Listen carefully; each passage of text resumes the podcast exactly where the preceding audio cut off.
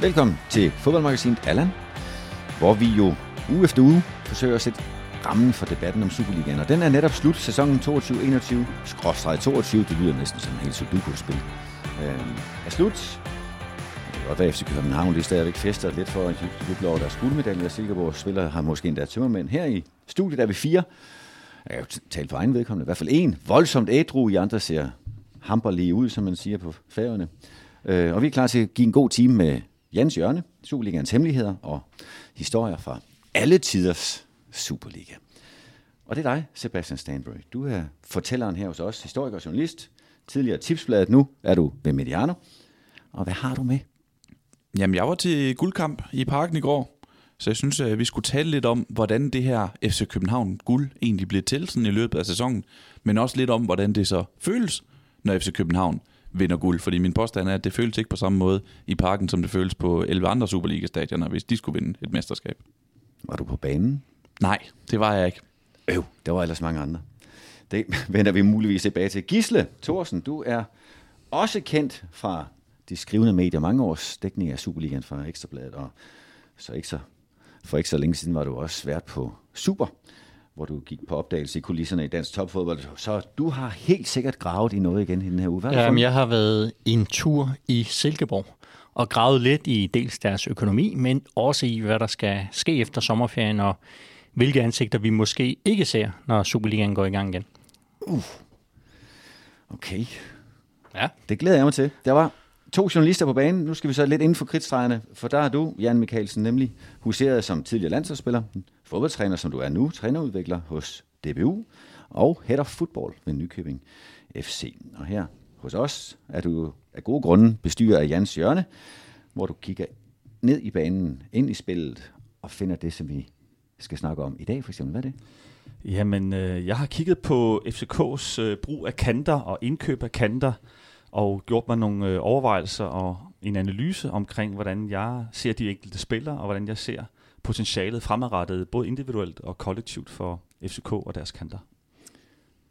Herligt. Og Jan, han er jo udover at være med her, også travlt beskæftiget med at være vært og bestyrer af bag om trøjen, hvor du snakker med det mest interessante, vi kan finde i både ja. dansk og nogle gange international fodbold. Ja, vi er sikre med i denne uge. Det er Uh, spændende. sikre venner.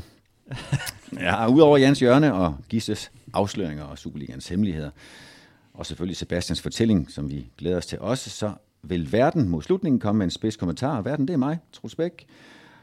Sidste uge optog vi i minutterne efter meddelelsen om, at David Nielsen stopper i AGF. Det kan være, at vi kommer tilbage til det om lidt. Og det ændrede selvfølgelig en del i vores udsendelse. Så i sidste uge gik I glip af de andre tre faste punkter. Det skal I ikke gøre i dag, for der skal I nemlig både høre ugens citat, ugens man crush, og så igen en hellig ko på skafottet, den skal slagtes. Og det er dig, Jan, der har været med slagtekniv på skafot. Ja, jamen øh, jeg synes selv, at øh, det her har potentiale til at nærmest fylde en hel øh, udsendelse, Troels, så du må, du må endelig styre mig lidt. Men inspireret af det, der skete på Aarhus Stadion og David Nielsens øh, afgang, trænerfyring, så øh, gik jeg i gang med at spekulere egentlig, har der egentlig været en, en bedre afsked i, i Superligaen, når man tog afsked med en træner? Det kan jo være begge veje. Det kan også være træneren, der siger op. Og øhm, jeg kan finde nogle rigtig gode eksempler, og jeg kan finde nogle forfærdelige eksempler, hvor det ikke er lykkes. Og øh, et af de eksempler, som jeg synes øh, ikke gik ret godt, det var blandt andet Ståle Solbakken. Den måde, han øh, kom til at, at få et eftermæle i FCK. Nu blev de mester i går. Øh, jeg er lidt spændt på, hvordan Ståle har haft det i den her situation, når man nu kan se ens øh, ja, værk egentlig øh, bliver overtaget af nogle andre, og man slet ikke er en del af det overhovedet. Man bliver ikke anerkendt. Øh, det er endelig lidt grimt, fordi begge parter måske havde behov for at lige at sparke lidt ud tilbage efter hinanden. Og der er ikke blevet overholdt nogen aftaler. En anden øh, øh, trænerfyring, som, som heller ikke øh, gik ret godt, det var jo øh, Tommy Møller i, i HB Køge, hvis I kan huske den. Det, det endte jo en retssag, fordi at øh, parterne var meget uenige omkring øh, den måde, man skulle forlade hinanden på. Og det er jo også noget, hvor man, øh, jeg tror det var dig, der sagde det, Gisle, her i optakten, at øh, man skulle, øh, egentlig samme dag, man underskriver, at man skal arbejde sammen, skal man måske også finde ud af, hvad gør vi den dag, vi ikke skal arbejde sammen mere? Ja, Jeg vil ikke tage æren for citatet. Det er faktisk Richard Møller Nielsen. Richard Møller, ja. En anden stor personlighed ud over dig det, selv. det må man... Ja, jo, tak. Men, men Richard, han havde jo, det, er jo, det er jo netop det her med at sige, men når man indgår en kontrakt, så er man jo overbevist om, at det kommer til at gå godt, men realistisk set ved man nok også, at det her ægteskab, det kommer til at ende på et tidspunkt. Så man kan jo lige så godt lave øh, skilsmisseaftalen, når man indgår ægteskabet, fordi man ender der som regel. Jeg tænker, det kunne være meget sjovt overføre det i, i privatlivet. Skat, jeg elsker dig, men prøv at, når vi går fra hinanden en gang. Nå, øh, lad det være. Og så er der jo den anden mulighed, det er jo, at træneren siger op. Og der vil jeg gerne have dig på banen, øh, Troels, fordi du var jo en stor, stor øh, del af det, der skete, da Thomas Frank følte, at han ikke havde tillid mere i Brøndby. I hvert fald ikke hos ejeren, som var øh, kan man sige, anonym donor på nogle citater øh, på nogle fanfora. Øh, og det gjorde selvfølgelig, at Thomas han følte sig nødsaget til at forlade det. Og, og kan man sige, det er jo lidt øh, uhørt, i hvert fald i Danmark, at træneren siger op. Og det har jeg også brugt lidt kræfter på, fordi jeg har også selv været et sted, hvor jeg måske ikke havde det ret godt selv, og egentlig havde lyst til at sige, ved du hvad, det her, det, det giver ikke øh, mig noget. Men der er også noget økonomi, og der er noget... Øh, en følelse af, at det her kan jeg godt ændre, hvis det går dårligt med resultaterne. Her uh, taler vi måske mere samarbejdet. Um, så jeg vil gerne, gerne have dig på banen, Troels, i forhold til netop det scenarie, når træneren føler, at det her, det går ikke mere. Hvordan oplevede du det ude i Brøndby? Ja, ja, men der oplevede du på den måde, at Thomas jo formodentlig, og nu snakker jeg jo også med ham både i optakten til hans beslutninger, og selvfølgelig også efterfølgende, har vurderet, at hans chancer for at lykkes blev så markant dårligere af, at det nu blev afsløret, at hans klubejer ikke faktisk bakker ham helt så meget op. Og det kan man jo godt forstå. Det, og den situation kan jo være så tilspidset, så det virker jo næsten logisk, at, at Thomas sagde op. Øhm, men man kan jo godt komme i tanke om andre situationer, hvor en træner vel i princippet burde have samme mulighed, eller næsten grund og ret til, som klubben at sige op. Men hvor jeg tror, at nogle gange bliver man sådan lidt fartblind af, at man sidder og nørker så meget igennem for at se, altså så beskæftiget af at redde den situation, holdet i så man glemmer helt at kigge op fra rillen, og man bare hjerner igennem med hovedet ned mellem skuldrene, for at se, om man kan løse det problem. Så det, nogle gange kan det faktisk komme helt, det kan jeg fra egen erfaring, helt bag på en, når, når, når skal vi snakke om det nu? Er det, er det nu virkelig nødvendigt? For jeg, kan vi ikke lige vente en uge, for jeg er faktisk travlt optaget af noget andet. Synes I, det går så dårligt? Ja, ja der, der, der er jo som regel mere end en holdning til det, men, men uh, Thomas han sagde op, og det, det er ikke så tit, man ser en træner gøre det i Danmark. Og så vil jeg gerne øh, komme med to eksempler. Det, det er der, den hellige ko ligger i, i det for mig, at trænerfyringer behøver ikke de facto altid at være en grim afsked, eller en grim for begge parter. Og der vil jeg gerne komme med to eksempler. Øh, og, og det nyeste er selvfølgelig David i AGF, som jeg startede med. Men den anden er faktisk også øh, fra Brøndby, det er, der Sorninger øh, stopper. Han, han, han bliver jo fyret, og resultaterne er dårlige. Men den der anerkendelse af, og det kan man sige, det er jo et, øh, et grund øh, tror jeg, et grundpunkt for at kunne lykkes med den her gode afsked, er jo også, at der har været nogle gode tider, som man har lyst til at anerkende. Hvis man bliver fyret efter et halvt år, og der ikke har været nogle gode tider, så er det svært at lave en afsked, som David Nielsen får. Det siger jo sig selv. Men jeg vil sige Soninger, og så vil jeg sige, det som AGF lykkes med, som de ikke lykkes med, med Paul Hansen og med Glenn Ridersholm, det var jo egentlig at give en værdig afsked til en træner, som jeg i hvert fald må sige, at byen står bag, og fansene står bag, men selvfølgelig ikke havde mere at give. Det tror jeg både han selv kan se øh, nu, og klubben selvfølgelig også kunne se det. Så der, der er ikke mere, de to parter har ikke mere at give hinanden. Det tror jeg er tydeligt for alle. Og når man har den erkendelse, så skal man selvfølgelig, som Troels også siger, så skal man også som træner måske være stor, øh, stor nok til at sige, ved du hvad, I skal have nye kræfter til. Jeg er en god træner, men jeg kan ikke være god træner her mere. Og det synes jeg øh, kræver ros til AGF og til David Nielsen for at afslutte det samarbejde med værdighed. Kasper Julemand, Nordsjælland er et par omgang er vel også et meget godt eksempel på, hvordan man kan... Han blev ikke fyret. Han øh, sagde, okay, nu, nu stopper han. Han vil godt noget andet. Der var også noget med noget retning på klubben og, og et tilbud fra Anderlecht i den, i den ene omgang, der, ja. der blev afvist. Men, men det var i hvert fald også meget værdigt. Det var også, fordi han har oparbejdet Gisle. Klart. Noget, noget kredit i klubben hos fansene, så at sige, og øh, det er jo det, jeg mener, man skal ligesom have gjort sig fortjent til at få den afsked, som David gjorde. Men man ser jo bare andre steder også, at selv træner, der egentlig har oparbejdet en vis kredit, får blandt andet Ståle, får øh, en, en grim afsked. Og så, øh, så vil jeg sige, at den heldige ko blev lidt smadret i, i søndags Jeg tror, at Rygaard, formanden på daværende tidspunkt i, i Parken Sport Entertainment, sagde øh, ved det her pressemøde, hvor Ståle annonceringen blev offentliggjort, at, at hvis du ikke får resultaterne, så er ligegyldigt, hvad du hedder. Altså, det var jo også en, en, en hård afskedssalut. Ja, jeg ved ikke, hvor meget vi skal dykke ind i, nu går tiden, men jeg vil sige, det som jeg i hvert fald har set Ståle sige, det var jo, at der var lavet en aftale, om vi siger ikke noget som helst og så ved flere lejligheder følte Ståle, at der blev sagt for meget, hvor Ståle følte sig trådt på, og så følte Ståle, at det gider jeg ikke at finde mig i. Og jeg ved ikke, hvad aftale der er blevet lavet, men det er i hvert fald, hvad Ståle har sagt, og det er klart, jeg synes også, at det kunne være blevet håndteret mere elegant. Bare ligesom sidste, jeg er fuldstændig enig, fordi det er jo trist, at den største træner i Superligans historie, måske den største træner i dansk fodboldklubs historie, Ståle Solbakken, ikke har lyst til at komme i parken længere. Exactly. Altså, det, det, at det skal ende der mellem voksne mennesker. Ikke? Øh, det, det, der kan jeg bedre lide det der, man ligesom siger, okay, det er sluttet, det må vi finde fælles fodslag omkring. Ikke? Og jeg kan, jeg kan huske, dengang øh, Kent Nielsen stod med Per Bjergård efter at være blevet fyret i, i, i Brøndby, og så, stod, og så stod de sammen og talte til, til tv-kameraerne. Det, det synes jeg rummer noget, noget, øh, noget respekt og noget, øh, noget erkendelse, som jeg godt kan lide. Og så sagde Rikard Møller Nielsen ud over utrolig mange andre kloge ting. Han sagde jo også, øh, og nu er jeg den Nej, du kan også godt snakke fynsk, det ved jeg. Han sagde noget, det, det, det, i fodbold der er det sidste spark ikke noget du giver, det er noget du får. Og øh, sådan var det også for ham. Der var den helt store person i OB's historie, og stadigvæk blev opsagt efter 8,5 år, så vidt jeg husker øh, dengang. Tak, Jan. Der var blod og saft i den Ja, jeg kunne godt lide det selv. Ja, og vi kunne have brugt en time, som du sagde på det, men det gør vi ikke, for nu skal vi også nå Sebastians man crush. Hvem er det, du holder så meget af? Jamen, det er Christian Sørensen fra Viborg. Og man kunne godt tale om, hvordan han har spillet en fantastisk sæson for, for Viborg, og hans udvikling fra første division til at blive Superliga-spiller, og hans indlægfod og så videre. Men jeg har med som repræsentant for en Superliga-spiller, jeg holder rigtig meget af, og det er jernmanden. jernmanden. Og det er noget, jeg holder øje med hver sæson. Hvem spiller samtlige minutter i løbet af en Superliga-sæson? Og Stefan Gardenman, han kunne have gjort det som øh, markspiller. Det er noget andet forskel på målmand og markspiller selvfølgelig. Øh, Stefan Gardenman kunne gjort, have gjort det for Sønderjyske, men havde karantæne i sidste kamp. Så Christian Sørensen er den eneste markspiller, der har spillet samtlige minutter i den her Superliga-sæson, vi, vi afsluttede i weekenden. Øh, og den første, der gjort det siden 2017-18, hvor Alexander Ludvig spillede 36 ud af 36 kampe fra start til, øh, fra start til slut for Horsens. Øh, jeg synes jo, det siger noget om, at man har højt niveau at man sådan starter aldrig ude, man er altid vigtig, og det er altid, træneren synes altid, det er vigtigst, at man er på banen i samtlige 90 minutter. Så er der noget disciplin. Øhm, man har aldrig karantæne. Altså Christian Sørensen, han har fået fire advarsler som bak for en oprykker. Det synes jeg er imponerende. Og så er der, ej, han er aldrig skadet. Og det er tilfældigheder, men det handler også om at passe på sin krop og bide tænderne sammen, selvom det gør lidt ondt. Ikke? Så Christian Sørensen er den 25. spiller i Superliga i og jeg lavede statistikken for nogle år siden. Øh, som sagt, seneste eksempel var Alexander Ludvig. Så er der gået tre sæsoner, hvor der ikke har været nogen. Og så er der altså nogle stykker, som sådan træder lidt ud. Øh, Pierre Kanstrup, han spillede 99 Superliga-kampe i træk fra 2015 til 2018. Og da Superligaen indledes, så spiller øh, Kim Vilfort en, øh, en masse kampe i. Jeg tror, det er 91 kampe i træk, han spiller fra første Superliga-runde, og så frem til oktober 1993.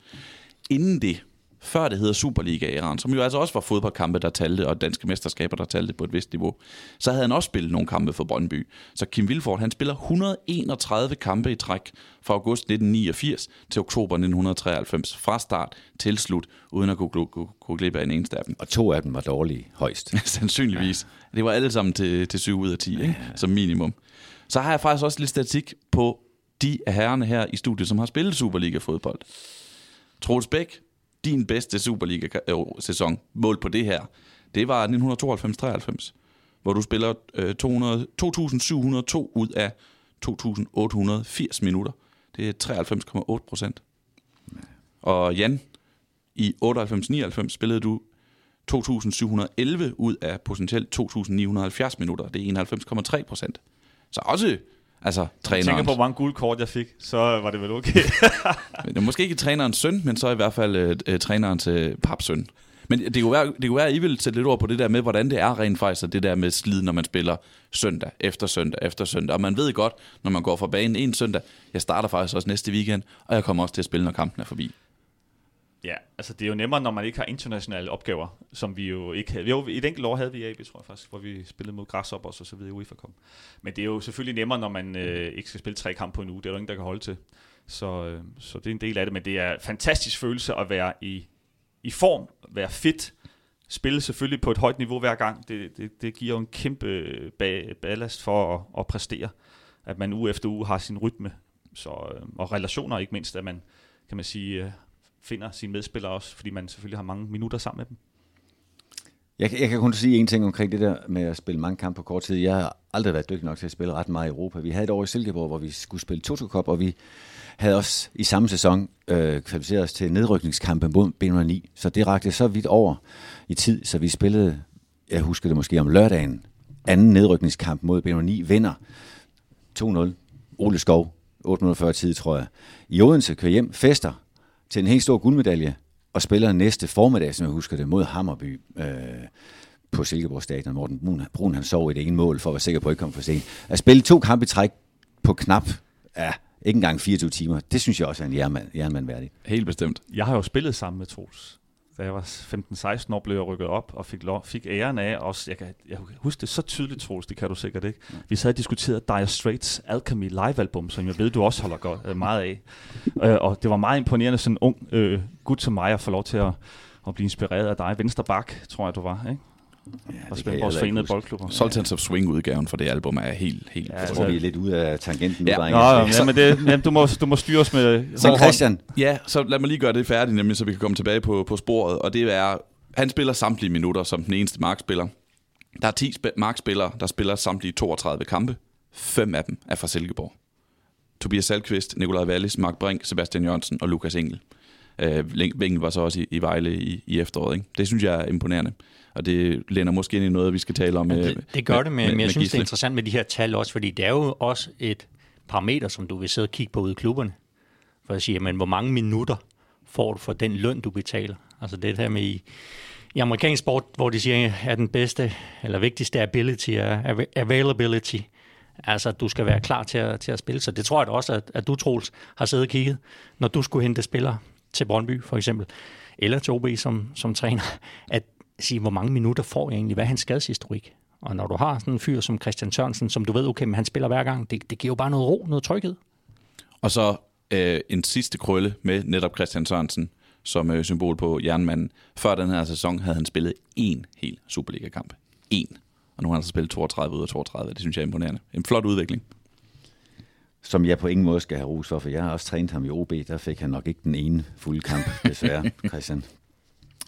Så skal vi runde den her afdeling af med ugens citat, Gisle. Det, Jamen, er det, er jo, det er jo næsten sådan en helt fynsk tema, altså, fordi, fordi vi skal faktisk øh, til Odense, og nu talte vi om Ricardo før, øh, der vist bare blev kaldt træneren i Ådalen, ikke? Nu er det så en svensk træner, som øh, har sagt noget interessant, synes jeg. Det var efter OB's nederlag i Vejle, der var han i studiet hos øh, Discovery og talte med, eller måske rettere diskuterede med Mikkel Bischoff. Øh, men der, der kommer lige sådan to øh, citater her, hvor øh, Alm han siger, at specielt med unge danske spillere, der gerne vil slå igennem, der er medierne ekstra hårde. Man vil gerne kritisere og pege på uerfarenhed. Men hvis en på 33 dropper, så er der ikke så meget fokus på, øh, på det. Det er synd for dansk fodbold, at de unge spillere ikke får et større boost. Og det var omkring den her målmandssnak om Bernard. Og så sagde han videre, i Sverige har man altid været imponeret over, at Danmark producerer så mange fantastiske målmænd. Nu forstår I hvorfor. De er mentalt stærke, når de forlader Danmark. For de får godt med sket, altså lort, øh, når de står her som unge. Det synes jeg, det var lidt interessant. Øh, og, og det fik mig til at tænke på det her med, om ikke manden han har en pointe. Nu ved jeg godt, han var min man crush tidligere, øh, nu deklarerer jeg det lige. Øh, men det her med, vi taler så meget om, hvis en ung målmand laver fejl, så er det sige, ja, men han mangler også erfaring. Jeg vil sige, hvis en ældre øh, keeper laver fejl, hvad, hvad skyldes det så? Det er da bedre at mangle erfaring end kvalitet. For jeg vil sige, øh, Sebastian, der må du endelig bakke mig op her. Vi har været så meget efter målmændene. Mm. Jeg kan bare huske den første kamp, Sønderjyske.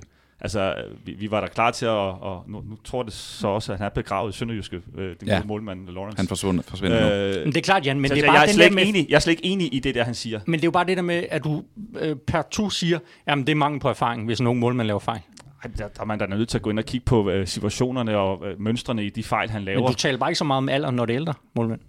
Nej, men der taler vi mere om kvalitet, og det, det vil bare sige, det er da meget værre at blive dømt færdig, fordi man ikke har kvalitet, end at få at vide, at han mangler lige nogle flere kampe. Hvis vi tager Hermansen i Brøndby, Men er det ikke bare Han er der sådan kæmpe en, potentiale. En, en automat øh, reaktion? Altså sådan, Jeg sådan ser jeg lidt på det. Altså, når men det her med at sige, men alder og erfaring. Du kan jo også have meget erfaring, selvom du er ung.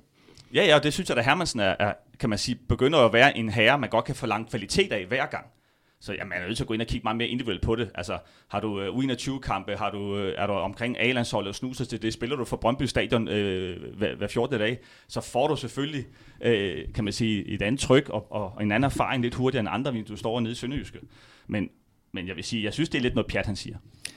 Der hører også en anden, altså uanset om det nu er den ene eller anden øh, vinkel, der er den mest gældende, så vil jeg sige, så på bagsiden af den her medalje hænger der jo også den, det, det favorable vilkår for de unge, og herunder også målmændene, nemlig at de nogle gange ikke kun bliver målt på præstationen, men også på det potentiale, der er. Der, der er jo den her meget interessante øh, portrætserie af Viborg FF på TV MidtVest, som, som jo er værd at kigge med på, synes jeg, hvor, hvor det er jo meget tydeligt bevist, at den gode øh, Lund, målmanden deroppe, som jo starter med at lave en række fejl, som kunne koste både karriere, men i hvert fald point, bliver prioriteret, fordi der er en længere sigtet plan. Men det vil sige, at han bliver jo så faktisk båret igennem, på trods af sin fejl, som en 33-årig nok var blevet besat af holdet for.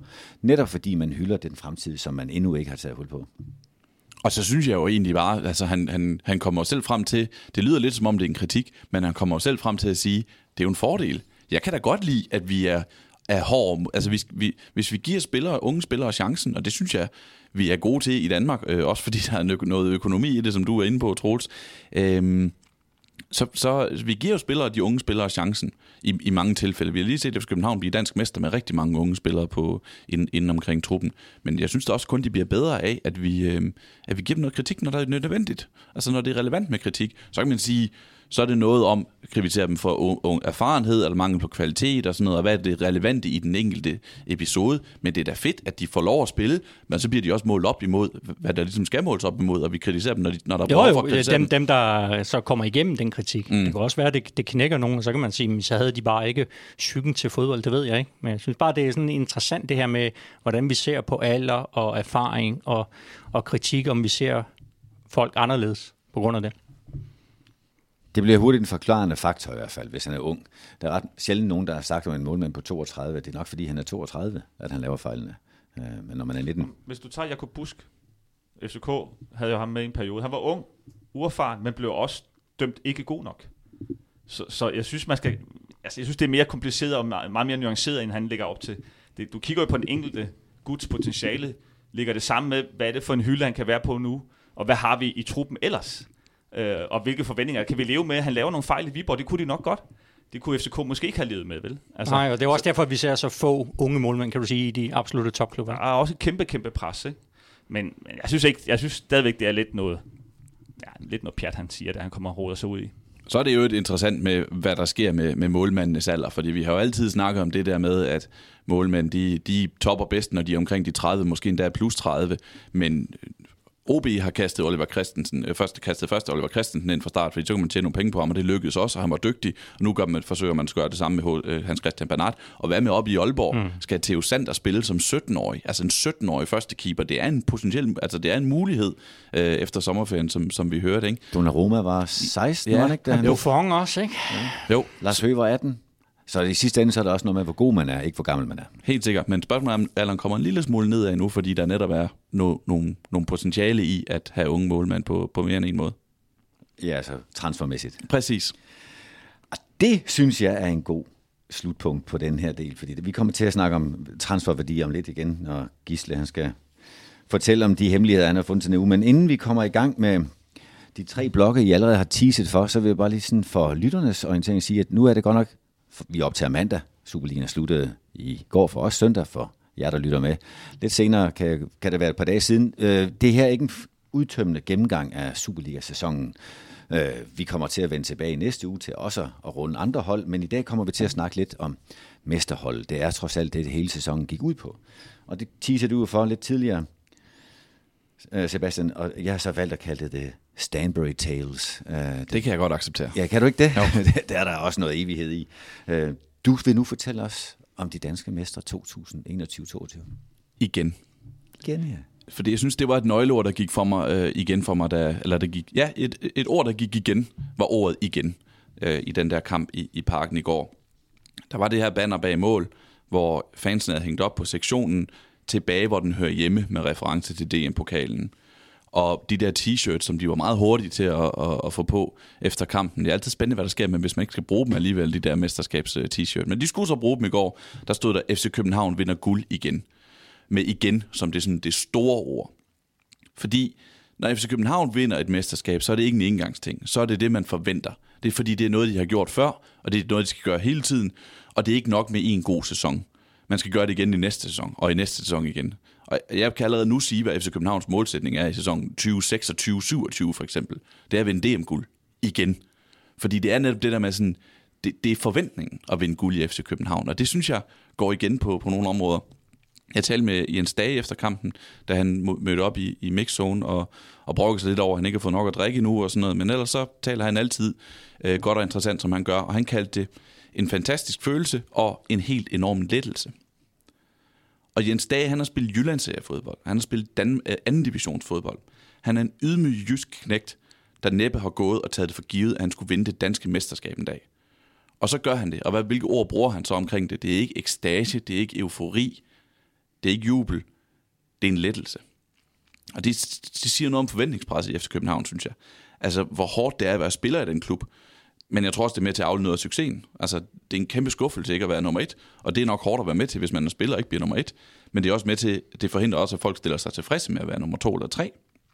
Øhm, så det kan vi, det, det synes jeg er interessant, det der med, at FC København, for dem der er det bare normalt at vinde mesterskab, og dagen efter så går, så går livet til en vis grad videre. Jeg så en enkelt i FC København, tror jeg, på, på vej herude til, til podcaststudiet i dag, men ellers så, så går, går arbejdet i gang med at gøre, forsøge at gøre det igen næste sæson, og i øvrigt spille sig i Champions League som det næste mål. Ikke? Det er vel heller ikke, fordi der har været fest på rådpladsen hele natten, tænker jeg. Nej.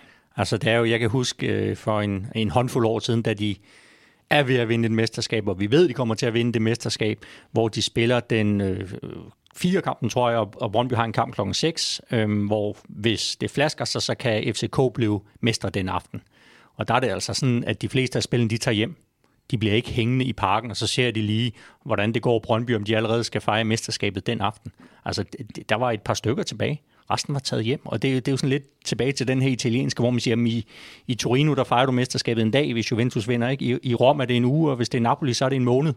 Det er jo lidt det samme, altså, som du er inde på, Sebastian, med, at i København, jamen, fint, vi har vundet mesterskabet videre. Mm. Og det er mere den der lettelse over at sige, puha, vi klarede det, ikke? Jo, og det siger noget om, hvor, hvor stor en klub det er i min bog. Øhm, og så du og jeg, vi kan vende tilbage til den her pointe med, hvis jeg, hvis jeg andre har noget at byde med. Du og jeg, vi havde en diskussion i går. Fordi Gisle, du mener ikke, at tidligere spillere hører til, når et mesterskab skal fejres, og når pokalen skal overrækkes. Og det så vi jo i går, øh, hvor Jonas Vind og Mohamed Darami og Rasmus Løj, jamen, Højlund var med. den havde vi faktisk en diskussion om. Jeg, jeg synes lidt, at Vind, altså nu spiller du altså i Wolfsburg. Darami, nu spiller du i Ajax. Ja, du har været med til at bidrage til det der mesterskab, men du skal da ikke løbe rundt på banen sammen med nogle tidligere holdkammerater. Altså det, jeg, jeg synes ikke, at det, det, det, det er måske bare mig. Altså jeg, jeg tænker lidt, hvis de møder Ajax i øh, næste års øh, Champions League. Det er lidt, lidt spøjst at sige, men der var ham der fyren, der var, der var nede og fejre mesterskabet samtidig med, at han spillede i Ajax med en anden klub. Nu ved jeg godt, der ikke er en stor rivalisering med Nej, øh, tidligere spillere og øh, koner, kærester, børn, øh, hunde og hvad man ellers kan finde på. Øh, fans øh, har ikke noget at gøre på banen. Man kan jo så sige, at der, tit når man, når man laver en fodboldtransfer, en spillertransfer, så, så sørger man jo også for, når nu man skriver alle de dokumenter under, som der skal til for, at spilleren nu retmæssigt kan spille, for eksempel i Wolfsburg eller Ajax, og sige, at der, hermed er der heller ikke nogen udstående mellem de to parter. Øh, hvis ikke man gør det, så har det jo en del af mesterskabsbonusen. Øhm, og hvis det er skrevet, som jeg står og siger her, at de ikke er en del af det mere, så kan jeg godt forstå, hvad du snakker om, fordi hvad, så er der jo ligesom sat et punktum. Men så er der også noget mere følelsesmæssigt, tror jeg. Det er der, hvor, hvor, hvor Danmark jo stadig Klart, er en forenings, Klart, jeg forstå, at Darami og Vind, er jo, og Højlund også, det er jo sådan FCK og ind til benet, og de er jo også fans, så jeg kan jo sådan godt forstå det på sådan det følelsesmæssige plan, men jeg synes alligevel, det var lidt underligt, og jeg synes, så der ikke Vildtjek derinde, for eksempel. Nej, det var nemlig det. Jeg synes, jeg synes jo, det var... Jeg synes, det var fint. Altså for mig var det en påmindelse om, at de der point, man vinder i juli, august, september, de tæller lige så meget som det, man vinder i april og maj, og målene, der man scorer, tæller lige så meget. Og så var det ligesom sådan at sige, nå ja, det har været en lang sæson. Altså sæsonen starter med, at Kamil Vilcek scorer sæsonens første mål for FC København mod OB, ligesom de mødte i går, og i en kamp, hvor Mohamed Darami også scorer. Og hvor øh, Grabar faktisk laver en, en fejl, der koster et mål. Ikke? Ja, og, og den der, altså de der spillere, der var på banen i går, som vi så, Rasmus Højlund spillede 15 kampe i efteråret, 15 Superliga-kampe, og scorer 0 mål. Og så tager han jo til, øh, til Østrig og scorer seks mål i, i 13 kampe i foråret, hvilket er går lidt ind i en debat om, om angriber, som vi havde for et, øh, for et par uger siden, som vi kan tage, genoptage og en anden god gang. Jonas Vind scorer to mål i den her øh, fremragende kamp mod Brøndby, 4-2-sejren, der ligesom satte den på vej mod noget, noget stort, og der ramte jeg jo Superligaens bedste spiller, end han blev solgt. Øhm, så det var de spillere, der var der, og så var de spillere, der ikke var der.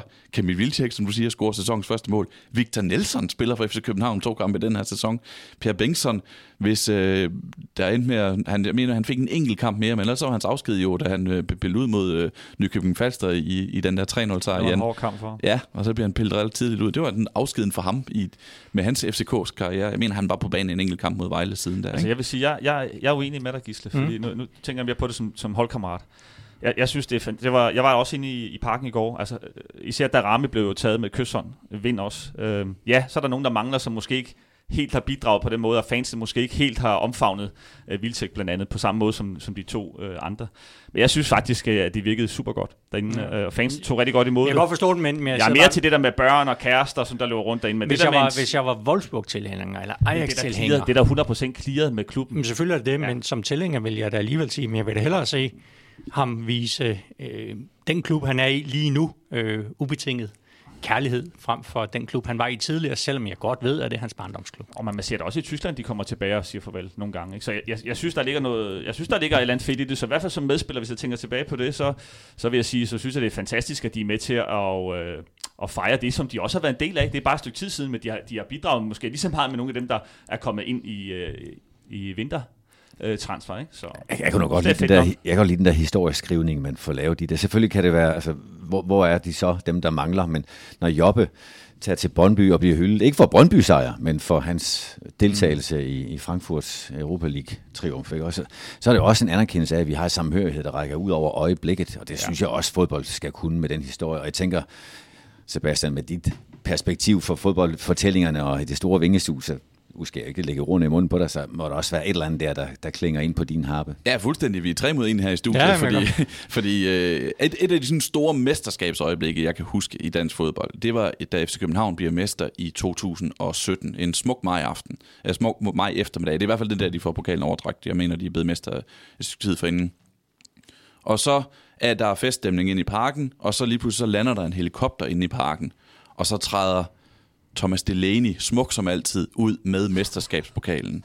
Og han havde været sæson, han var næsten sæsonens bedste spiller, på trods af, at han kun spillede et halvt år, fordi han, han var blevet solgt i vinterpausen, til, eller var i vinterpausen skiftet til, til Werder Bremen. Han havde simpelthen været så god, så da han kommer ud og, og ligesom tager den der mesterskabspokal, som han har så en enorm en andel i med, jeg synes bare, det var et stort øjeblik, også fordi han netop, som Jobbe er det i Brøndby, var elsket mere end nogen anden i, i, i parken. Og som sagt, som jeg også sagde, det har været en lang sæson, og for mig var det en påmindelse om de der sådan, historier, der har været undervejs også, ikke? Øh, øhm, også med nogle af de spillere, der har været der nu, altså netop Kamil, øh, Kamil Grabara startede med en vis skepsis omkring sig. Der var nogen, der råbte på, at de ville kalde Jonsson på mål igen. Nu er han FCK-helt øh, på grund af sin straffesparksredning i Randers for eksempel, og også i kraft af den der sådan, mentalitet og positiv arrogance, som matcher meget godt, hvordan mange ser FC København. Og en 12-13 clean sheet. Så Også det. Det Det tæller hjælper, kun, også. det, det hjælper, hvis du kun lukker 19 mål ind, ikke? Jo, og så Isak Bergman Johansen, som bliver købt ind som den her mega hypede spiller til 30 millioner kroner, og en af de bedste spillere i Ansvælskeren, en af de mest lovende spillere i Skandinavien, har nedspillet 19 liga fodbold i løbet af foråret, men ender med at, at være stamspiller her i de sidste par kampe og score vigtige mål og sådan noget. Og så er der de omvendte Stage, Jens Seca, øh, nej, Jens Seca, Sækker, øh, Jens Dage, Seca, Victor Christiansen, som så røg ud på grund af skader, ikke? og nier position, som har været præget af udskiftning i løbet af sæsonen. Jeg synes bare, det var en påmindelse om, hvor, hvor meget der sådan sker i løbet af en sæson. Og en sidste ting, hvor kaotisk det også har været en, øh, en sæson på mange områder. Ikke? Øhm, det der med, at som vi også snakkede om med forventningen af et mesterskab, så, så der kan godt være kaos i FC København, selvom man er på vej mod et mesterskab, eller uro i hvert fald i FC København. Øhm, det der med... Øh, så, øh, så blev jo Per Vind fyret noget, der stadigvæk fylder adskillige måneder senere, ikke? Og så var der uroen omkring Luther Singh, så har der været debatten omkring banen, så har der været Nikolaj Bøjlesen, som øh, bliver sat af hold og er utilfreds med det, og Dennis Vavro er utilfreds med, at Nikolaj Bøjlesen er utilfreds med at blive sat af hold og sådan noget. Ikke? Der har været mange sådan historier. En Gabara, sæson. der også er ude at sige Gabara er lidt. ude at sige, at han forlanger respekt fra, fra fansene, og det var fansene ikke nødvendigvis enige i, at det var noget, man bare skulle popkalde sig, det var noget, man skulle spille sig til og sådan noget. Ikke? Så på mange måder har det jo også været sådan en, en sæson, med lidt uro i FC København, som så alligevel ender med, at de står med pokalen. Det kunne jeg godt tænke mig at spørge jer to journalister om. Nu øh, kigger jeg selvfølgelig ikke lige så meget på dig, Jan, her.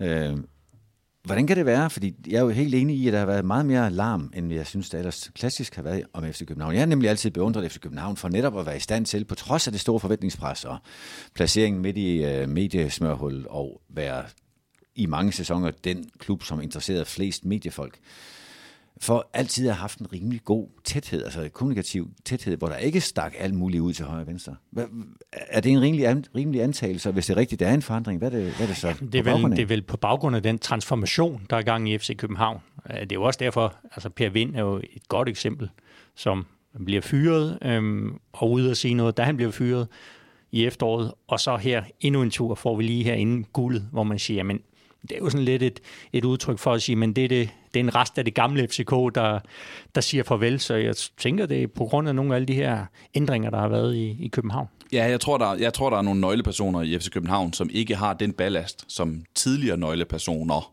vi kan også bare sige nøgleperson, Ståle Solbakken havde. Altså, øh, Peter Christiansen har ikke opnået så stor en ballast i kraft af titler og angstinitet, at han ville kunne gøre det at fyre Per Vind øh, uden at det giver nogle dønninger. Det samme med Jes Torup, lige så snart der, det har vi også talt om tidligere, lige så snart der kommer nogle halvdårlige resultater, så vil man sige, åh, oh, han har faktisk ikke vundet noget som helst herinde i Hagen, og øh, har noget forstået, hvad den her klub går, går ud på. Her taler både om journalister og, og fans, ikke? Så der er nogen, der stadigvæk er i gang med at bygge noget ballast op, så det kan tillade sig, at, at, at det skulper lidt mere, uden at båden for alvor begynder sådan at rock. Og så tænker jeg også, at, at, at vi taler så meget fodbold på alle planer også gør noget. Altså, der, skal, der er historie hele tiden øh, at fortælle. Spillerne kan selv kommunikere med deres sociale medier. Altså, så kan ting meget hurtigt blive til historie. Så ting, der bliver diskuteret i et tv-studie eller et podcast-studie, kan de blive bedt om at skulle forholde sig til, og så, så ruller den. Så det er jo også det her underholdningsprodukt, som fodbold jo også er. Det, det er nemlig, og FC København er en klub med mange meninger og mange egoer. Altså vi så jo også i går, at ikke engang fan, man kan, man kan ikke engang sige, at fanmassen er én ting, ikke? fordi så er der nogen, der løber på banen, og så er der andre, der står og buer og pifter af dem, der løber på banen. Ikke? Så der er så mange forskellige retninger i den der klub, klub som har så stor en, en, en selvforståelse, at man ligesom siger, det, jeg, jeg mener det her, og det skal jeg have lov at sige. Ikke? Altså det er jo, kun i FC København, at fyringen af en holdleder vil blive en, en sag på den der måde, er min påstand. Måske Ej, i Brøndby. Brøndby også. Måske i Brøndby, Brøndby også. Jeg, jeg synes nok, vi har skrevet om sådan lidt uh, øh, PFR-medarbejdere, der blev afskedet, hvis, hvis det er nogen, der har været markante nok. Uh, en Madsen, der han bare stoppede som U19-træner derude. Det, var, det blev da også en historie. John Ranum. Altså, men det er nogle, når nogle af de her sådan, personligheder stopper i store klubber, så er det en uh, historie, der er det selvfølgelig Brøndby FCK, der fylder mest. Og så må vi jo sige også, nu, nu har vi jo snakket rigtig meget om FC København, og det mange der bare, når de lige er blevet Danmarksmester, det ville vi også have gjort, om det havde været vandløse, eller hvem det var, der havde vundet mesterskabet, selvfølgelig.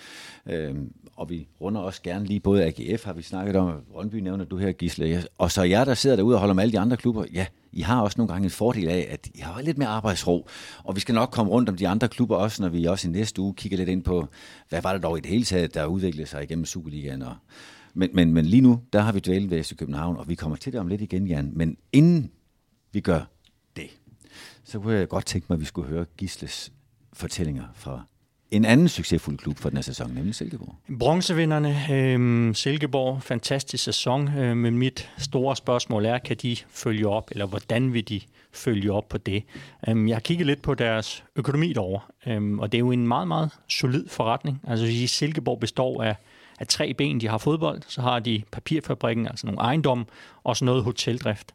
Øh, I 2021 var det ejendomssegmentet, altså papirfabrikken, der virkelig øh, sørgede for, at de øh, fik det her overskud på 10,5 million. Fodbold og hotel, det gav øh, faktisk underskud. Så at sige, det er motoren, det er papirfabrikken.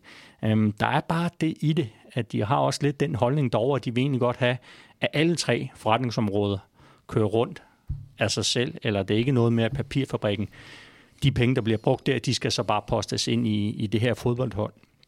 Og det gør også, at selvom Silkeborg over de seneste fem år har et samlet overskud på øh, over 70 millioner kroner, men så er, det, så er det ikke sådan, at de skruer voldsomt op for deres spillerbudget. Øh, spillerbudgettet ligger på 3-24 millioner kroner.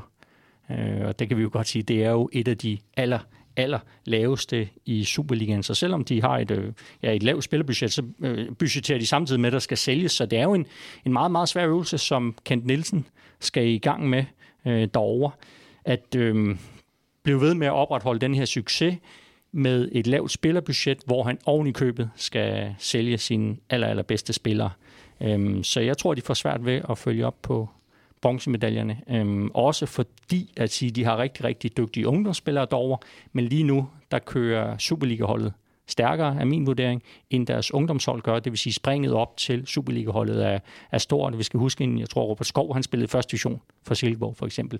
Nu her, de spillere, der skal ind, de skal ind på et hold, der lige har vundet bronze, der skal ud og spille Europa, og også har en ambition om at komme i top 6 i den kommende sæson.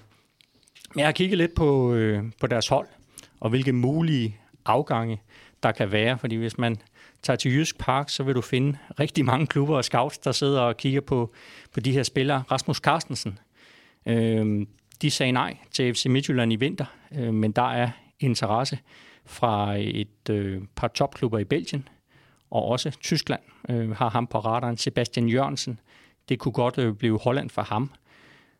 Nikolaj Larsen i målet, øh, der har også været interesse for ham, men så vidt jeg hører, der forhandles om en forlængelse, så er der målscoren fra i går, Tobias Salkvist, som var meget, meget tæt på at blive solgt til Malmø i seneste transfervindue, der kom med et øh, faktisk et meget fint bud. Øhm, bliver det sommeren? Hvor han skal sendes afsted.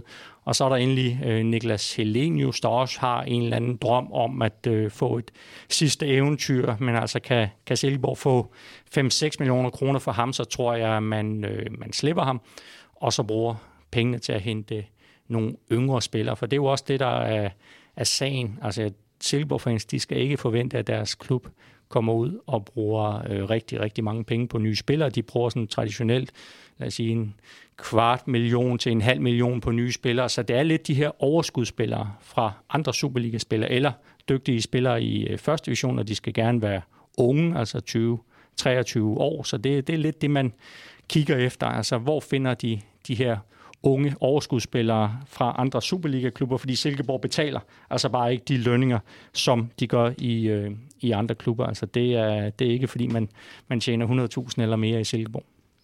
Nu, nu nævnte du så mange spillere. Jeg kommer lige til ja. Nævnte du Wallis? Fordi der må være noget Wallis, der er interesse, men det er i hvert fald en spiller, som øh, Ken Nielsen meget, meget gerne vil, vil holde på et, et halvt år endnu. Øh, jeg tror, de vil prøve at overbevise ham om, at sige, men han kan godt fortsætte sin udvikling i, i Silkeborg et halvt år nu, også få mulighed for at spille europæisk. Men selvfølgelig vil der være interesse for ham også. Og der vil være interesse fra Wallis for at komme videre, synes jeg. Jeg kan fornemme på det hele. Jeg synes allerede i, i efteråret, han begyndte at tale om, at det kunne da godt, han kunne da godt tænke sig at se Og det er jo netop det her større. problemet, når du som i relativt lille klub får succes, der kommer det her pres indenfra. Fordi vi kan sige, jamen økonomien siger jo, at Silkeborg har råd til at sige nej. Det kan de godt, fordi altså, de har en, en rigtig, rigtig fin forretning. De er ikke tvunget til at sælge. Men det kan de blive, hvis spilleren bliver tilbudt nogle lønninger, som er tre eller fire gange så høje andre steder. Så vil spilleren jo gå op og banke på døren og sige, men et, du kan give mig en ny kontrakt, der nogenlunde øh, modsvarer det, jeg kan få det andet sted, eller du kan lade mig gå. Og sige, der er ikke ret meget liv, der er mindre værd end en fodboldspiller, som ikke har lyst til at være i en klub. I går læste jeg tre Silkeborg-ansatte, som snakkede om, om at komme videre jeg, jeg blev meget overrasket over det. Jeg synes faktisk også, det er sådan lidt, øh, det er i hvert fald forkert, synes jeg, sådan, øh, i forhold til også sådan, hvad kommer der til at være fokus på? Altså, jeg oplevede Kent Nielsen snakke om AGF. Jeg læste om oh, Helenius. Kent Nielsen svarede på spørgsmål om AGF. Ja, men øh, jeg vil sige, man kunne godt øh, sige det mindre tydeligt, at det kunne være en option. Altså, jeg, jeg, jeg blev i hvert fald fundet over det. Jeg tænker også, det var et, øh, et potentiale til dit citatgisle. Øhm, og Helenius er ude at sige, at der skal gå et halvt år, så vil han prøve noget nyt. Og Wallis snakker om, at FCK kunne være spændende, fordi han er jo fra Østerbro. Ja, det er måske sat lidt på spidsen. Jeg synes, at det er lidt utidigt. Altså, man har lige øh, lavet et fantastisk resultat. Brug nu lige lidt krudt på at blive Silkeborg og nyde det sammen, inden man begynder at snakke om andre klubber. Det synes jeg faktisk er lidt provincielt, og det er skide ærgerligt, at det skal være sådan at man, man ikke siger, prøv at jeg har det skide godt i Silkeborg, nu nyder det lidt. Hvis der kommer noget, så kommer der noget. Men i stedet for altså, at reklamere for sig selv på den måde. Jeg, jeg synes faktisk ikke, det var på sin plads. Men jeg, jeg tror, Jeg, ja. synes, jeg, synes, øh, jeg synes også, det er lidt ærgerligt, men det er, jeg synes ikke, det er noget, der er kendetegn for, for Silkeborg generelt. Altså, det Nej, er, derfor var det overraskende for ja, mig. præcis. Men der, det, er, det er fodbold nu til verden. Ikke? Gode resultater er ikke en måde at sige, hey, det her det er sjovt, det skal vi blive ved med det er en måde at sige, nu skal vi prøve noget andet, der også kan være sjovt, og måske endnu mere indbringende. Ikke? Og Jens Dage, han stod også i parken i går og sagde, det skal da have en snak med, med PC om, hvad, hvad der skal ske nu. Ikke? Fordi han har været tre år i FC København. Det er lang tid. Han kom samtidig med Victor Nelson. Han blev solgt for et år siden. Øh, Jens Dage, han, hvis han skal sælge, så skal det være nu. Han er, han er 26 år gammel, eller fylder i hvert fald 26 i år. Ikke? Så det er hele tiden det der med, videre, videre, videre, mm. ud, større kontrakter, større kontrakter, større kontrakter. Og det er særligt kendetegnende, når man er et lille hold, som opnår større, større resultater, at man lige øh, kan regne med, for så er det fandme nu, man kan komme ud og lave nogle store kontrakter. kontrakter. Den her omsætningshastighed, ikke, som man taler så meget om, at sige, hvor længe kan vi egentlig have de her spillere, hvor længe kan vi have den her gruppe sammen, så vi kan opnå noget. Men Silkeborgs problem bliver jo, at nu er der jo ligesom sat en, en vis bare, og der vil jo være nogle forventninger. Og så hvis du ser på realiteterne, altså et spillerbudget på 3-24 millioner kroner, det er jo ingenting. Jeg tror, det er mere eller mindre end Esbjergs. Ja, det er interessant, om det er det. Ja. Jeg kender ikke svaret, men, men, men det er ikke ret meget større, hvis det er større. Og, og, og det er godt, altså der har de virkelig fået Jo, men jeg synes, det er, jo, det er jo det, der er interessant med Silkeborg, det er jo også at sige, at de kunne jo også vælge at gå ud og sige, det er nu her, vi egentlig godt vil flytte klubben op på en højere hylde. Altså, der lurer altså også noget europæisk fodbold. Hvis de er øh, en lille smule heldige, så er de endda sikret et gruppespil og indtægter for hvad? 25-30 millioner kroner. Altså er det her muligheden for at sige, okay, men nu skal vi et niveau op, så vi øger vores sandsynlighed for at blive i Superligaen fremover. Og jeg vil også sige, at der er også spillere, der vil blive meget mere værd. En Wallis, hvis han gør det godt europæisk, men altså, han er da jo ikke kendt derude for, for, for noget. Jo, en enkelt god sæson, men der vil være rigtig mange spørgsmålstegn ved mm. ham. Hvis han blev solgt nu, så vil det blive for få penge. Hvis han får et, et gruppespil, og scorer i den rigtige kamp, eller laver et, et fantastisk forløb der, så er han jo mange, mange flere millioner værd. Så jeg vil sige, det da været fuldstændig tåbeligt fra Silkeborgs side også at skille sig af med nogle af de profiler, i hvert fald alle på en gang. Men det er jo det, det her strategiske mening, valg, som Silkeborg skal lave. Hvad tror du, Troels? Altså, du kender jo også dem derovre. Altså, hvilke tanker er det, de gør sig i forhold til? Fordi de tænker jo at sige, okay, men det er fint, vi kan godt give de her kontrakter nu, vi har jo egentlig pengene, men så er det jo også en udgift, vi hænger på i 2, 3, 4, 5 år ud af mine mange favoritklubber i Superligaen, så er det jo nok en af mine allermest favoriserede klubber, hvis jeg har både spillet og været træner. Jeg har prøvet også ved egen kraft engang, ikke ved egen kraft, men jeg prøvede egen krop at, at have en kortvarig succes deroppe. Vi blev Danmarks, Danmarksmester med Silkeborg. Og der gik ikke lang tid, før der var mange, der også der snakkede om, hvad kan vi bruge det her til? Og det er en vanskelig periode bagefter, du, du har lige gjort meget godt redde for det, Sebastian. Det er jo desværre dynamikken. Øh, var det allerede dengang, og det er med mange år siden, og det er det i den grad nu. Øh, og, og det giver noget uro, og man kan lige så godt altså, prøve at, prøv at kigge på frem mod det VM, vi skal kigge på på et eller andet tidspunkt til vinter, ikke også, hvor, hvor der kun kommer succesfulde træner, og halvdelen bliver fyret bagefter, fordi man kommer med så meget succes, så det er svært at følge op på den. Det kigger Silkeborg også ind i, og jeg ved ikke, hvad de kommer til at gøre. Jeg ved bare, at andre fortæller om, at ejendomsmarkedet er sårbart med stigende renter, og nu er det jo øvrigt finansieret. De har jo styr på den butik, og det er jo også kendt Massens øh, øh, hjemmebane i øvrigt.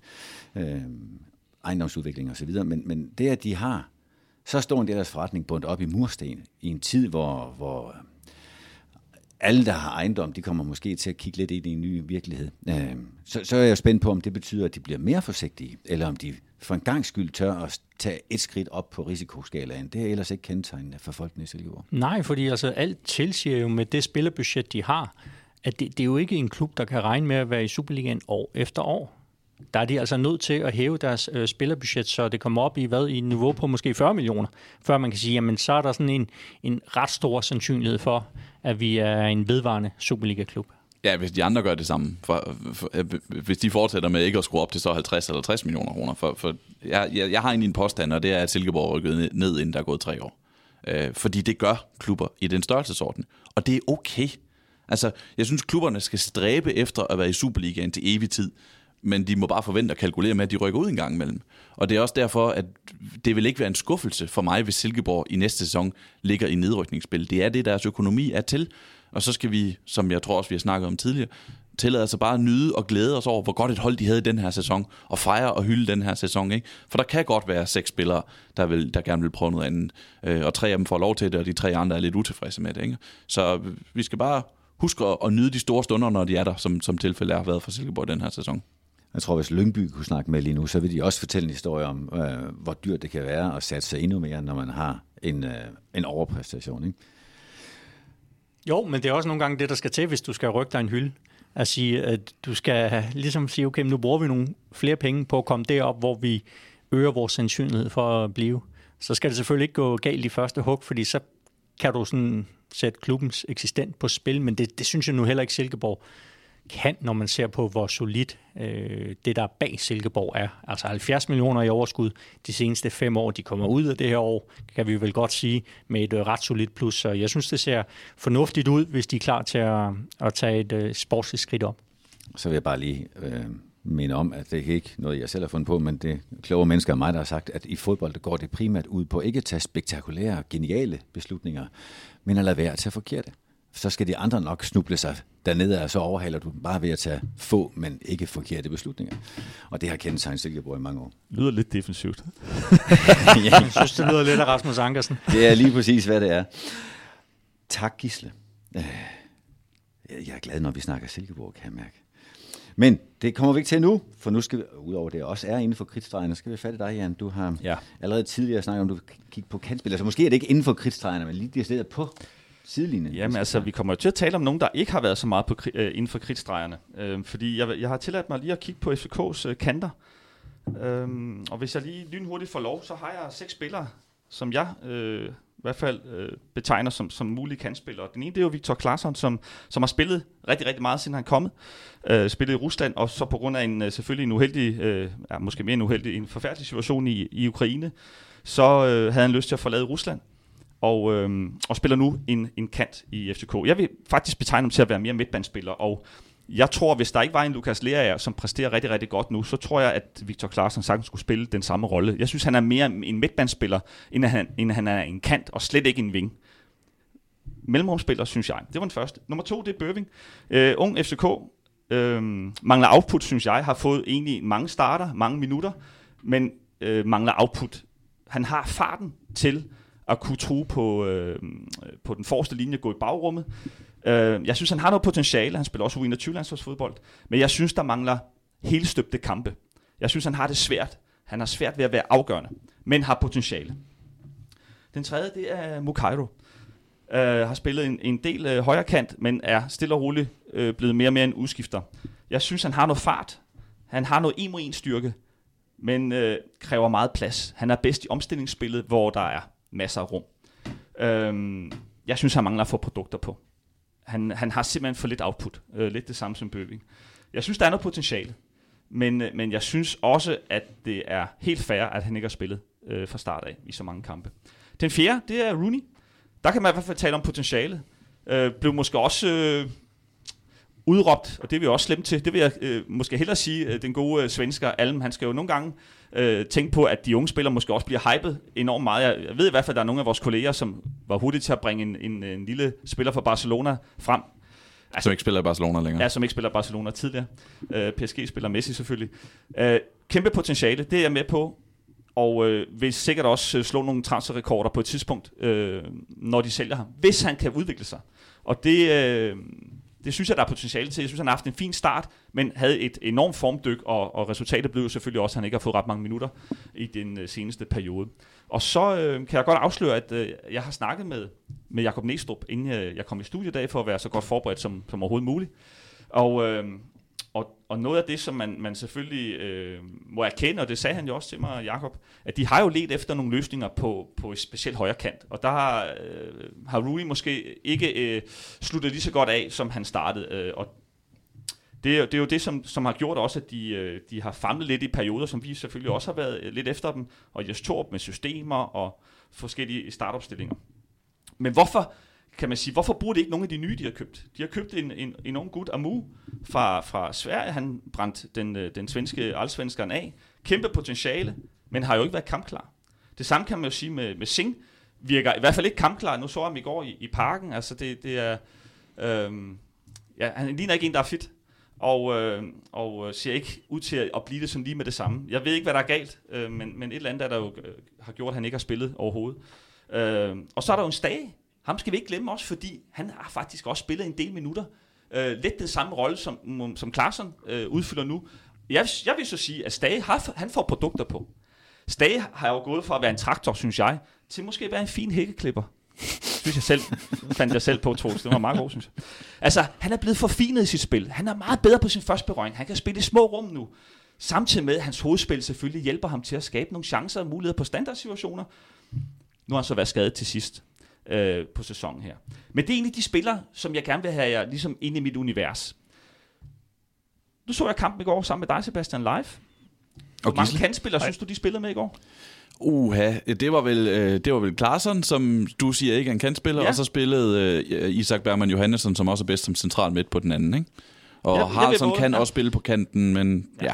Jeg vil at de spillede uden angriber, mm. Og de spillede uden kantspillere. Og de spillede vel noget af det bedste spil, synes jeg, på den sidste tredjedel. Jeg har set live i hvert fald, mm. Og fulgt egentlig op på en rigtig god første halvleg mod Silkeborg. Der synes jeg så mere, det var, der var øh, deres presspil, som fungerede rigtig godt. I går dominerer de fuldstændig OB i 43 minutter, før OB stort set får noget, der minder om en chance. Ja, øh, får de selvfølgelig skud på overliggeren. Men det er noget af det bedste, jeg har set. Hvorfor er de så, så gode, når de spiller uden kantspillere og uden angriber? Det er jo fordi, de får nogle fodboldspillere, der forstår hinanden. Altså, jeg vil faktisk sige, at deres system er jo som udgangspunkt 4-1-4-1. Men når jeg ser dem live, og hvordan de roterer og bevæger sig, så spiller de faktisk i perioder 4-1-5-0. Men de er rigtig dygtige, fordi de to islændinge, de to unge gutter, de løber så mange meter dybt, og er rigtig dygtige til at uh, time deres uh, løb, når Pep Biel falder ned. Og de linker bare rigtig godt op sammen. Falk, Pep Biel, øh, de to islændinge, og så synes jeg også, Clausen er rigtig dygtig i mellemrummet, når han falder ind. Jamen, det er vel også øh, Falk og Pabiel, der har fået nogle legekammerater, ikke? De har fået nogle legekammerater, der forstår dem, og som måske ikke har så travlt med at spille den der stejle bold. Alt, alt for tidligt, som jeg synes, man har set tidligere i sæsonen, fordi der er en Rooney, der stikker dybt, eller en Bøving, der stikker dybt, som alligevel ikke kan klare sig alene. Øhm, så jeg vil faktisk sige, at de spiller ekstremt meget igennem det centrale område i går. Men de er dygtige. Jeg synes, OB spiller måske heller ikke verdens bedste kamp, men jeg har jo set andre FCK-kampe, hvor modstanderen måske heller ikke har været lige så dygtig øh, som dem selv, hvor de havde haft problemer med det her. Det, jeg synes, der er et problem, synes jeg, hvis de skal udvikle spillet, det er øh, at blive ved med at spille uden kantspiller. Det er, jeg synes, øh, baksene, i går var det Jæler på, på venstre og øh, Ankersen på, på højre, de har ingen at lege med, fordi alle sammen er inde i det centrale område. Det vil sige, når Peter Ankersen for eksempel får den, som han får rigtig mange gange, fordi han tilbyder så meget, han har ingen at spille, et, øh, altså han har ingen brede punkter at spille sammen med, fordi øh, han er allerede løbet ind i mellemrummet og ligger i, inde i klumpen, hvor, øh, hvor OB-spillerne selvfølgelig dækker op. Så jeg synes, medmindre man kan, man kan få bolden lidt højere op på banen som bak på den forreste linje, og er lidt dygtigere end Peter Ankersen er lige nu til at klare sig en mod en, så det er noget, de simpelthen skal udvikle, fordi det kunne jeg godt se mod bedre modstand, at det bliver, det bliver svært for dem, og det har det også været tidligere. Men der er vel to spørgsmål her, Jan. Øh, det første, skal de øh, gå tilbage til at spille med en nier? Og så det andet, kan det her holde i Europa? Det skal vi snakke om nu nemlig. Godt. Jeg vil sige, lige nu, der tror jeg øh, ikke, at de har nogle angriber, som ikke var på banen i går, som kan hjælpe dem til at udvikle sig. Så jeg vil sige, øh, hvis jeg var i FCK-skoene, øh, så tror jeg, jeg vil øh, kigge efter en, en, en nier, som kan hjælpe dem relativt hurtigt. For ellers vil jeg fortsætte med at spille med Pep Biel. Og jeg synes, de har virkelig et fantastisk spil. Men det er også et spil, som på nogen måde kan øh, begrænse den. Så er det klart, så har, der nogle, øh, så har vi nogle, øh, nogle joker. Og, og hvem er det? Det er, hvor dygtig kan Bøvin blive på den korte bane? Hvor dygtig kan Mukairo blive på den korte bane? Rooney skal nok få chancer, fordi han har øh, et kæmpe potentiale. Og så, så den, måske den, jeg, jeg har størst spørgsmålstegn ved. Amu. Jamen, hvor dygtig er han? Fordi han er en anden type. Han er jo en mod en spilleren. Han er den hurtige ving. Han er den, den der hollandske Overmars. Øh, godt nok i en, en lidt mørke udgave. Men det bliver spændende, fordi han vil jo ændre spillet. Han vil ændre den måde, de andre skulle forholde sig til ham. Jamen, det er som at få en firkant ned i et rundt hul, ikke? Altså, no. Ja, det, det ved jeg ikke. Det, det, jeg, jeg, Jamen, det er jeg, i siger, jeg er mega det spændt på det. Jeg er mega spændt på det. Fordi øh, han er en ving. Han vil ikke løbe lige så meget tilbage, som de andre gør. Han vil ikke arbejde lige så hårdt som Victor Klaarsson. Men han vil kunne give dem noget fart. Han vil kunne give dem noget en mod en styrke, som de ikke har lige nu. Så øh, jeg synes, det er mega spændende i forhold til de valg, som, øh, som Jes og, og, og trænerstaben, selvfølgelig Næstrup også, har, har, har været nødt til at træffe, fordi de har let efter noget, især på højre kant, som, hvor de ikke har været tilfredse. Nu, nu har jeg i 35 år i professionel fodbold i Danmark, jeg har forsøgt at bekrige jer journalister for at være tabloid. tabloide. Nu prøver jeg selv at være lidt tabloid. Har I en fornemmelse af, når nu Jes har udtaget de her spillere, og ikke har udtaget de mere klassiske kantspillere, om øh, det har været Jesses ønske og prioritet at få dem ind eller om det er PC's. Og hvis I har ikke bud på det, hvad er så konsekvensen af den ting? Jeg, jeg vil starte med at sige, at i efteråret virkede det som om, han spillede mange centrale spillere ude på kanterne for, af nød, fordi han ikke havde andre. Nu har han så fået nogen, og så må vi konstatere, at de ikke er gode nok. At, om det så er, fordi han så ikke vil bruge dem, eller om det er, fordi at han ikke synes, de er gode nok, eller ikke har haft den rette form. Øhm, det ved jeg ikke, men jeg vil i hvert fald konstatere, at han bruger stadigvæk de der centrale spillere ude på, ude på kanterne, i hvert fald i form af Isak Bavn Johansen, så synes jeg som det, det, det grældeste, eller det mest tydelige eksempel. Øhm, jeg, tror, jeg tror mest, det handler om, at dem han så har fået, ikke har slået til endnu. Jeg, jeg tror mest, det handler om, at Mukayo ikke er en spiller, der går ind og dominerer over 90 minutter. Amu er til, er til sydlandet ikke klar til at spille i, i Superligaen endnu. Øhm, Rooney har haft et, et, det her formdyk, som er fordi han er 16 år gammel. Så jeg, jeg tror, det handler om, at man vil nok gerne have nogle kantspillere, fordi det er meget rart at have, hvis man spiller med kanter. Og så har de vist sig, at dem, de har haft i det her forår, ikke har kunne levere det, man gerne vil. Så er det vel også en, en, en investeringsstrategi at sige, Amo, som det siger, den mest spændende spiller i, i svensk fodbold. Jeg tror, at de der opkaldt ham øh, den svenske Kamaldin, eller alsvenskernes Kamaldin, det er så ikke helt enig i, men altså lidt det her med at sige, men vi kan hente en spændende spiller her, som hvis han slår igennem hos os, så vil det godt være, at vi har betalt 30 for men så får vi så selv 100. Så det er vel også lidt den her aktieinvesteringsstrategi. Jeg vil så sige nogle andre ting også. Altså, der, der skete jo det, altså, da Darami bliver solgt, så, så var der måske ikke nogen afløser klar. Og, øh, og det tror jeg, de har tænkt på i, i transfervinduet, at kanterne skulle prioriteres. Så sker der egentlig det, at, øh, at de får den her uventede mulighed med at få en klassespiller. Jeg synes, han er en rigtig dygtig spiller, Klaarsson. Stadigvæk midt, midtbandspiller efter min vurdering. Men de får en klassespiller, som de næsten ikke kan sige nej til. Jeg kender ikke økonomien i det, men, men øh, han har jo vist sig at kunne forstærke dem. Nu får de guld. Så, Også en spiller, som de har jagtet tidligere. Okay, jamen der kan du selv se. Altså, det er jo nok en, som de, de har haft lyst til at få anyway. Og den, kommer, den her øh, mulighed kommer jo så øh, på den triste baggrund og så siger de ja tak til det. Og så har de jo egentlig måske en eller to for mange i forhold til det udgangspunkt, de havde. Men nogle gange så sker der også ting, det må Troels også øh, kunne vide om, at så sker der bare nogle ting, hvor man siger, den tager vi. Der tager vi en chance, så må vi leve med, at vi har en eller to for meget. Det må vi holde, øh, holde glade på en anden måde. Og så vil jeg sige, den, øh, altså, så har de haft mange skader op på de positioner.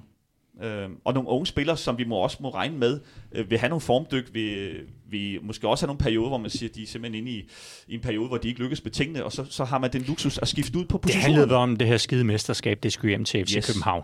Altså at sige, at det kan sgu godt være, at øh, ikke alle sammen slår til, men der, hvis der er en eller to af dem, der slår til, så vinder vi det mesterskab, og så er alle glade. Altså fordi, jeg stod også i mixzone øh, med Sebastian i går, og jeg hørte der formanden sige, da vi trykkede ham lidt på maven, sige, hvad med Champions League? Så sagde han, jamen vi skal ud og spille Champions League. Altså så ja, det tror jeg også, vi kommer til at se det her sommervindue bære præg af. Altså de har to kampe mod et hold, der på papiret i hvert fald ikke er bedre end dem. Men nu spurgte Troels omkring, hvem der købte spillerne og sådan noget videre. Jeg, jeg, øh, jeg er lidt i tvivl om, om hvor meget øh, Jes har været med på råd, fordi jeg tror egentlig, at han er rigtig glad for den der 4-1-4-1, hvor jeg synes, Rasmus Falk spiller, altså måske ikke hans bedste kamp i går, han blev også skiftet tidligt ud, men jeg synes jo, at han har været outstanding øh, og hjælper med at linke op. Jeg synes, Pep Biel giver bare noget, som de ikke har haft i så mange sæsoner. Altså, de har en sindssyg boldfast, og han lykkes alligevel med at blive afslutningsspiller også. Altså, hvorfor ødelægge noget, der fungerer? Så kan man sige, jeg synes, de mangler måske noget på internationalt niveau. Jeg, jeg har sådan lidt... Øh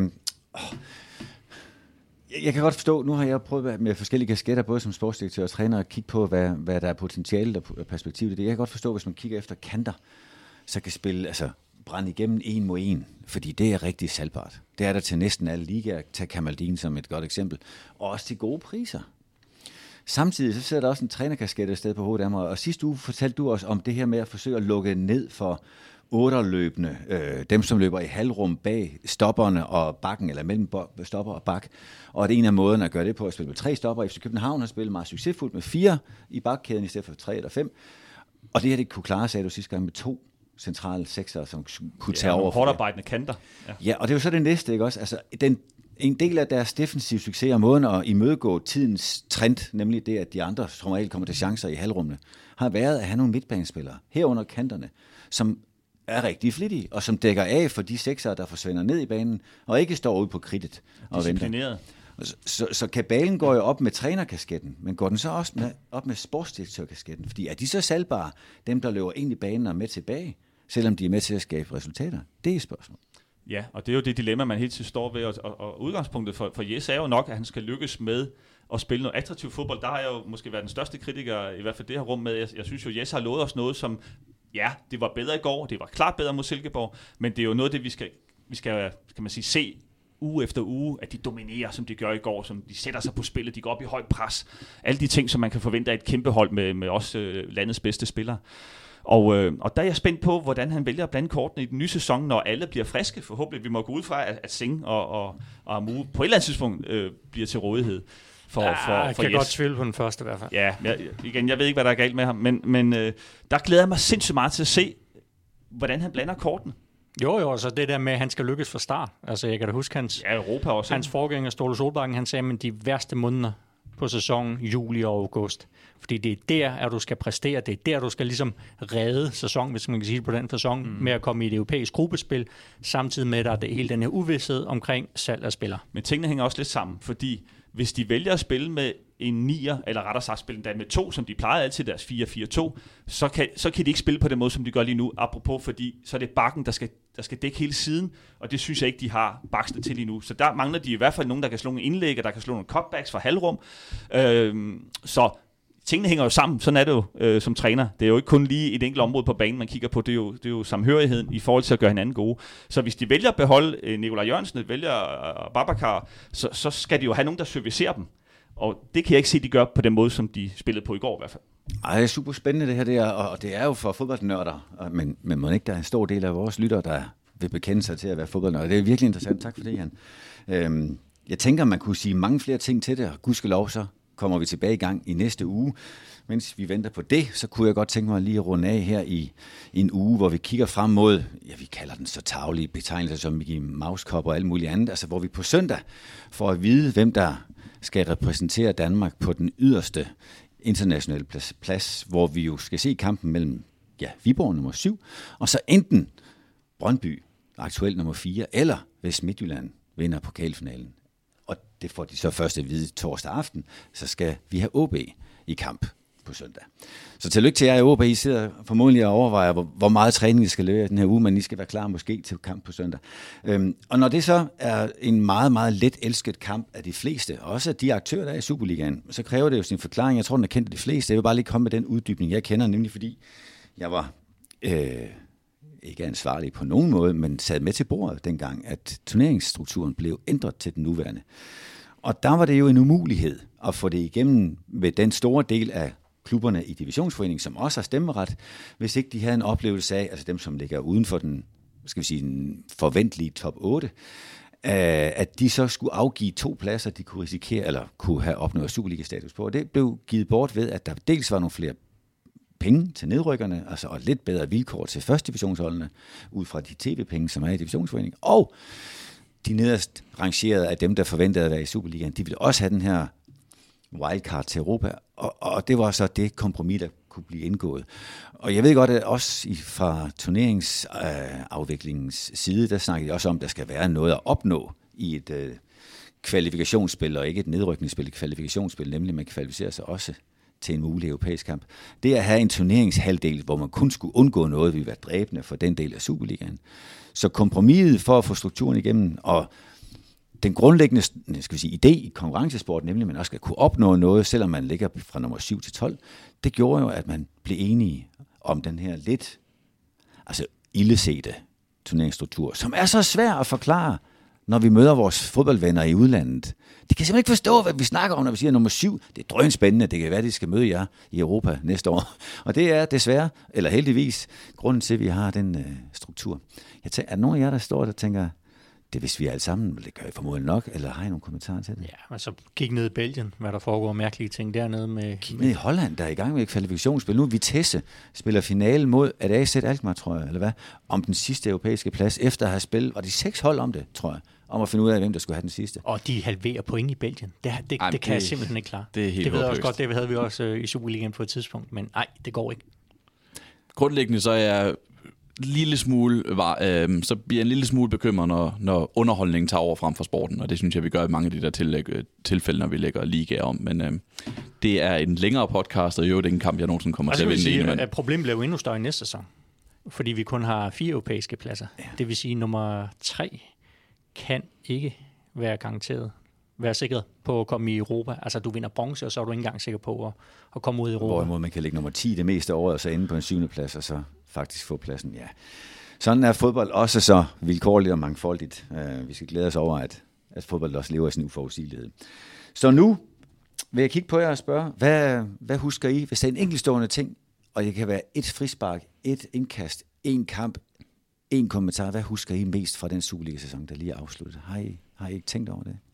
Udover FC Københavns danske mestre og Silkeborgs bronzevinder, så vil jeg huske synet af Jack Wilshere, der løber sådan lidt halv, øh, løber rundt op på Farm Park og sådan lidt halvhjertet beder om bolden inde på FCK's, eller øh, AGF's midtbane, mens øh, nogle væsentligt ringere pasningsspillere sørger for AGF's øh, opspil ned, ned, ned i bagkæden. Øh, det, det syn kommer jeg ikke til at glemme, tror jeg. Det er sådan for mig billedet på AGF's forvirrede sæson, øh, dårlige sæson, men også det her spørgsmål, som vi ser med de, de her Superliga-klubber, som henter nogle kæmpe store stjerner, uden egentlig at vide, hvad de vil gøre med dem. Ja. Men mit øjeblik er nok, øh, det er lidt for nyligt, det er, da Grabata napper straffesparket op i Randers, som jeg synes blev så kampafgørende. Og nok var en stor del af, at de kunne redde den hjem øh, i en svær kamp, en svær udbanekamp i Randers, hvor jeg synes, de var under pres i perioder, i, i hvert fald i starten af kampen. Så og Grabata generelt har, har hæft, altså jeg har hæftet mig ved hans, hans udvikling og hans øh, udstråling, hans personlighed på, på godt og ondt. Jeg synes, han er en berigelse for, for Superligaen og, og FCK må jeg nok sige. Der skal nok karakteres til at fylde en lyserød målmandstrøje ud. Ikke? Det skal der bare. Apropos karakterer, Raul Albentosa, der kom så og næsten sejrede. Jeg synes, det var et, øh, det har været et sjovt bekendtskab med ham. Øh, så, så flere af dem, øh, og så kan vi måske godt undvære Wilshers ne i stedet for. Tak Gisle, tak Sebastian, tak Jan, Danmarks bedste fodboldpanel, som jeg ser det, og øh, til jer, der lytter med, I kan også godt få at vide, I Danmarks bedste lyttere, det antager jeg, øh, og hvis I er så dygtige, kan jo godt hjælpe os lidt på vej, så I må gerne skrive ind med kommentarer til os på allansnablag.podimo.com, og så skal I jo igen have tak for at lytte med.